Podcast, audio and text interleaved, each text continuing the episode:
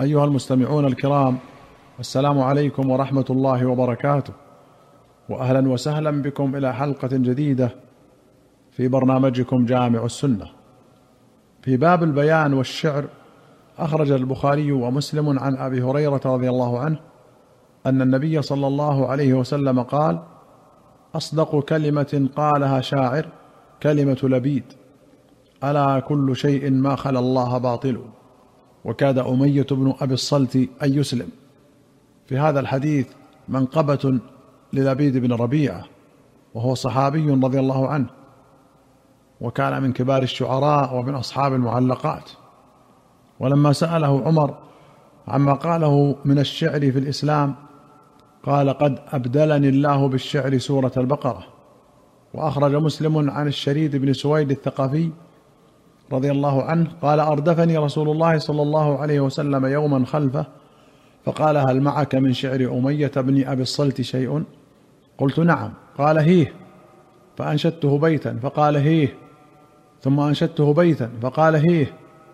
حتى أنشدته مائه بيت. فقال النبي صلى الله عليه وسلم إن كاد ليسلم. وفي رواية لقد كاد يسلم في شعره. قوله هيه ويقال إيه كلمة بمعنى زد. تقال للاستزادة من حديث أو عمل. قال النووي ومقصود الحديث أنه صلى الله عليه وسلم استحسن شعر أمية واستزاد من إنشاده لما فيه من الإقرار بالوحدانية والبعث. ففيه جواز إنشاد الشعر الذي لا فحش فيه وسماعه سواء شعر الجاهلية وغيرهم وأن المذموم ومن الشعر الذي لا فحش فيه إنما هو الإكثار منه وكونه غالبا على الإنسان. فأما يسيره فلا بأس بإنشاده وسماعه وحفظه. وأخرج البخاري ومسلم رحمهما الله عن البراء بن عازب رضي الله عنهما قال قال النبي صلى الله عليه وسلم لحسان بن ثابت أهجهم أو هاجهم وجبريل معك. وللبخاري قال قال رسول الله صلى الله عليه وسلم يوم قريضة لحسان بن ثابت اهجوا المشركين فإن جبريل معك. وأخرج الشيخان عن عائشة رضي الله عنها قالت استأذن حسان بن ثابت رسول الله صلى الله عليه وسلم في هجاء المشركين. فقال رسول الله صلى الله عليه وسلم فكيف بنسبي؟ فقال حسان لاسلنك منهم كما تسل الشعرة من العجين. وفي رواية عن عروة أن حسان بن ثابت كان ممن كثر على عائشة. قال فسببته. فقالت يا ابن أخي دعه فإنه كان ينافح عن رسول الله صلى الله عليه وسلم. وفي أخرى قالت قال حسان يا رسول الله إذن لي في أبي سفيان. قال كيف بقرابتي منه؟ قال والذي أكرمك لأسلنك كما تسل الشعرة من الخمير. فقال حسان وإن سنام المجد من آل هاشم بنو بنت مخزوم ووالدك العبد.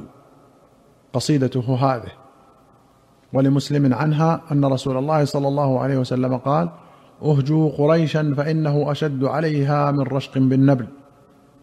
فأرسل إلى ابن رواحة فقال أهجهم. فلم يرضي. فأرسل إلى كعب بن مالك ثم أرسل إلى حسان بن ثابت. فلما دخل عليه قال حسان قد آن لكم أن ترسلوا إلى هذا الأسد الضارب بذنبه ثم أدلع لسانه فجعل يحركه. فقال والذي بعثك بالحق لأفرينهم بلساني فري الأديم. فقال رسول الله صلى الله عليه وسلم لا تعجل فإن أبا بكر أعلم قريش بأنسابها وإن لي فيهم نسبا حتى يلخص لك نسبي. فأتاه حسان ثم رجع. فقال يا رسول الله قد لخص لي نسبك والذي بعثك بالحق لأسلنك منهم كما تسل الشعرة من العجين. قالت عائشة فسمعت رسول الله صلى الله عليه وسلم يقول لحسان إن روح القدس لا يزال يؤيدك ما نافحت عن الله ورسوله. وقالت عائشة سمعت رسول الله صلى الله عليه وسلم يقول هجاهم حسان فشفى واشتفى. قوله كثر على عائشة يعني في حادثة الإفك. وأبو سفيان هو أبو سفيان بن الحارث بن عبد المطلب وهو ابن عم النبي صلى الله عليه وسلم. وكان يؤذي النبي صلى الله عليه وسلم والمسلمين في ذلك الوقت. ثم أسلم وحسن إسلامه رضي الله عنه. وقوله أدلع لسانه أي أخرجه. يقال دلع لسانه وأدلعه ودلع اللسان بنفسه. وأخرج البخاري ومسلم عن البراء بن عازب رضي الله عنهما قال كان رسول الله صلى الله عليه وسلم ينقل معنا التراب يوم الخندق ولقد وار التراب بياض بطنه وكان كثير الشعر فسمعته يرتجز بكلمات لابن رواحة ويقول والله لولا الله ما اهتدينا ولا صمنا ولا صلينا ومنهم من يقول ولا تصدقنا ولا صلينا فأنزلا سكينة علينا وثبت الأقدام ان لاقينا والمشركون قد بغوا علينا إذا أرادوا فتنة أبينا. ويرفع بها صوته أبينا أبينا. وأخرج البخاري عن الهيثم بن أبي سنان أنه سمع أبا هريرة وهو يقص في قصصه يذكر النبي صلى الله عليه وسلم يقول إن أخا لكم لا يقول الرفث يعني بذلك عبد الله بن رواحة. قال وفينا رسول الله يتلو كتابه إذا انشق معروف من الفجر ساطع. أرانا الهدى بعد العمى فقلوبنا به موقنات أن ما قال واقع. يبيت يجافي جنبه عن فراشه إذا استثقلت بالكافرين المضاجع. الرفث الفحش في القول. وقال الأزهري الرفث كلمة جامعة لكل ما يريده الرجل من المرأة. ورجح ابن حجر وقف هذا الأثر على أبي هريرة وعدم رفعه إلى النبي صلى الله عليه وسلم. وفي رواية إذا استثقلت بالمشركين المضاجع بدل الكافرين. وأخرجه البخاري في فضل من تعار من الليل فصلى. وفي باب ما يكره أن يكون الغالب على الإنسان الشعر حتى يصده عن ذكر الله والعلم والقرآن.